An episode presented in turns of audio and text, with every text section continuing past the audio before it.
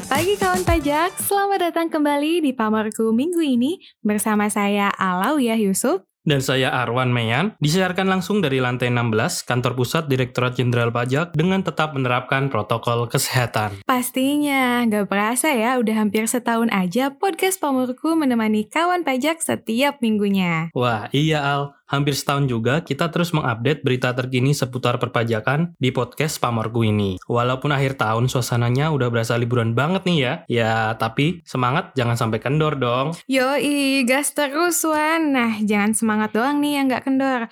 Protokol kesehatan juga jangan kasih kendor dong. Kawan pajak jangan sampai lengah ya untuk selalu menerapkan 5M. Pertama, memakai masker. Kedua, mencuci tangan. Ketiga, menjaga jarak. Keempat, menghindari kerumunan. Dan kelima, mengurangi mobilitas dan interaksi. Oke, langsung aja nih.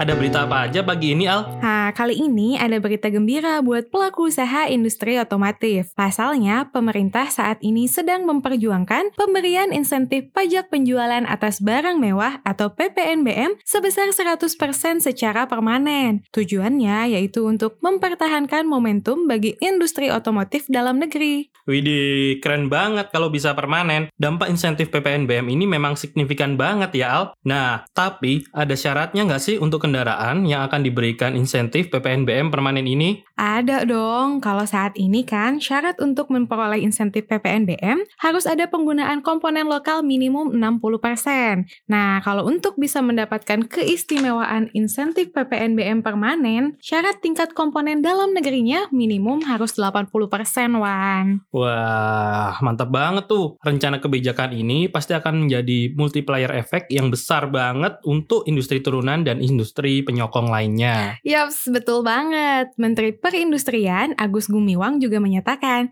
saat ini terdapat 21 produsen kendaraan roda 4 dengan kapasitas produksi 35 juta unit per tahun. Tapi perusahaan komponennya sendiri sudah mencapai 319 ribu dan sebagian besar merupakan UMKM. Jadi memang tujuan kebijakan ini tuh untuk meningkatkan perekonomian dalam negeri terutama UMKM. Mantap, Al. Mantap kali ya. Kita dukung terus ya industri dalam negeri dan UMKM kita. Harus dong, Wan. Iya dong. Oke, kawan pajak, lanjut berita kedua minggu ini ya. Jadi, Menteri Koordinator Bidang Perekonomian, Bapak Airlangga Hartarto menyampaikan, realisasi investasi oleh para penerima fasilitas tax holiday hingga pertengahan tahun ini telah mencapai 385,8 triliun rupiah dari jumlah rencana investasi sebesar 716,6 triliun rupiah. Nah, lokasi investasi tersebut tersebar nih di 22 provinsi dengan 6 kelompok industri, mulai dari infrastruktur ekonomi, industri logam dasar, hingga ekonomi digital. Wah, baru pertengahan tahun aja udah lebih dari 50% ya yang terrealisasi. Kalau data dari Kementerian Investasi yang terbaru tuh, udah berapa sih yang terrealisasi, Wan? Nah, kalau dari Kementerian Investasi atau Badan Koordinasi Penanaman Modal BKPM, realisasi investasi semakin mendekati target 2021, yaitu 900 triliun rupiah. Wah, banyak banget ya. Memang Al. Nah, realisasi investasi dari bulan Januari hingga September 2021 telah mencapai 659,4 triliun rupiah atau 73,3 persen dari target Al. Mantap, sudah mendekati 75% dari target ya. Semoga Iya. mendekati akhir tahun ini, semua investasi dari penerima fasilitas tax holiday ini bisa segera terrealisasikan ya, Wan. Amin.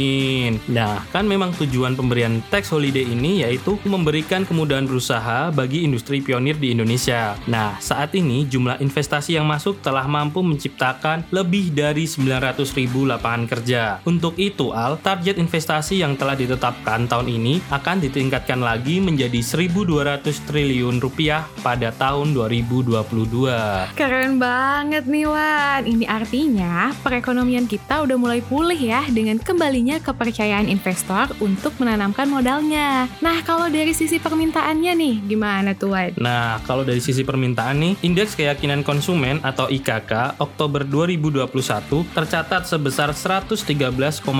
Hal ini menunjukkan pulihnya kepercayaan dari sisi permintaan AL. Lalu, PMI Manufaktur November 2021 tetap berada pada zona ekspansif, meskipun ya turun ke 53,9. Wah, meskipun gitu, kita tetap doakan ya kawan pajak. Pasti. Semoga perekonomian kita dapat senantiasa tumbuh positif dan segera pulih dari dampak pandemi. Karena bersama pajak, atasi pandemi, Pulihkan ekonomi.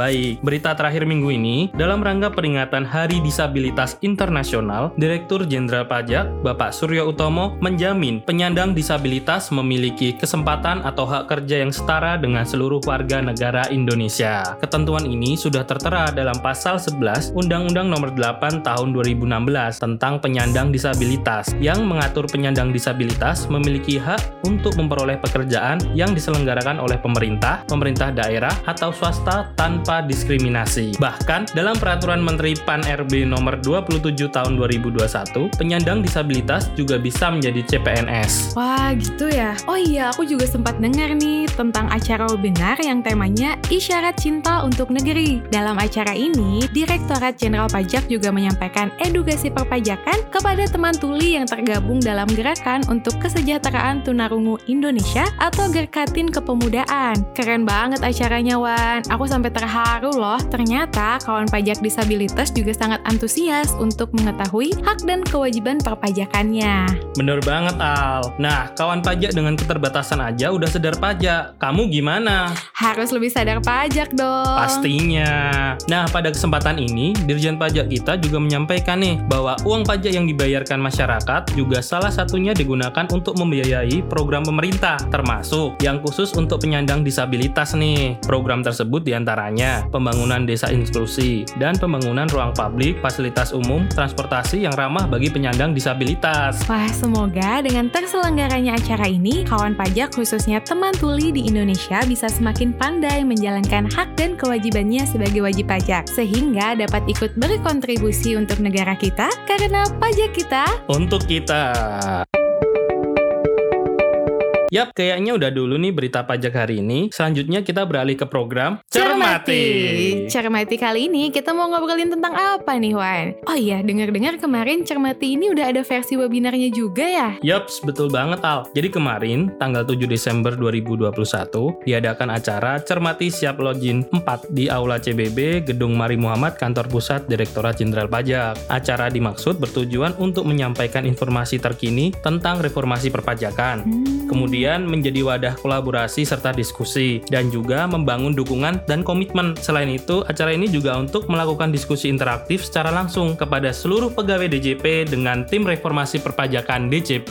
Keren, biar kawan pajak semakin aware dengan reformasi perpajakan kita kan ya. Nah, apa sih tema cermati siap login kali ini? Terus acara ini dihadiri oleh siapa aja, Wan? Nah, acara Cermati Siap Login 4 yang diadakan kali ini bertema Surat Cinta untuk DJP. Tema ini bermakna harapan seluruh pegawai terkait reformasi perpajakan, di mana reformasi merupakan bentuk cinta untuk DJP. Nah, acara ini moderatornya yaitu Bapak Imam Arifin, Direktur Transformasi Proses Bisnis, dan juga Ketua Sekretariat Pusat Tim Pelaksana PSAP. Sedangkan yang menjadi panelis ada empat orang nih Al. Pertama, ada Direktur Jenderal Pajak selaku Ketua Pelaksana Reformasi Perpajakan dan juga pemilik proyek PSIAP yaitu Bapak Suryo Utomo. Kemudian yang kedua ada staf ahli Menteri Keuangan bidang pengawasan pajak yang juga selaku Ketua Pokja 1 Bapak Nufransa Wirasakti. Kemudian yang ketiga ada staf ahli Menteri Keuangan bidang peraturan dan penegakan hukum pajak dan juga Ketua Pokja 2 serta pengendali proyek PSIAP yaitu Bapak Iwan Juniardi. Dan terakhir ada staf ahli Menteri Keuangan bidang kepatuhan pajak dan juga Ketua Pokja 3 yaitu Bapak Ion Arsal. Mantap, jadi seluruh tim PSAP berpartisipasi dalam acara ini ya. Nah, kalau poin yang disampaikan oleh oleh Dirjen Pajak dalam acara ini tuh apa aja sih? Nah, iya betul sekali Al. Pak Suryo dalam acara tersebut menyampaikan nih beberapa hal terkait reformasi perpajakan, yaitu yang pertama nih, hmm. berpesan kepada para change sponsor, change champion, dan change agent agar mampu bercerita terkait reformasi DJP kepada seluruh pegawai DJP. Yang kedua, pesan Pak Suryo, reformasi DJP ini tidak hanya menyiapkan aplikasi, melainkan yang kita lakukan adalah merubah proses bisnis, mulai dari proses pelayanan hingga SDM,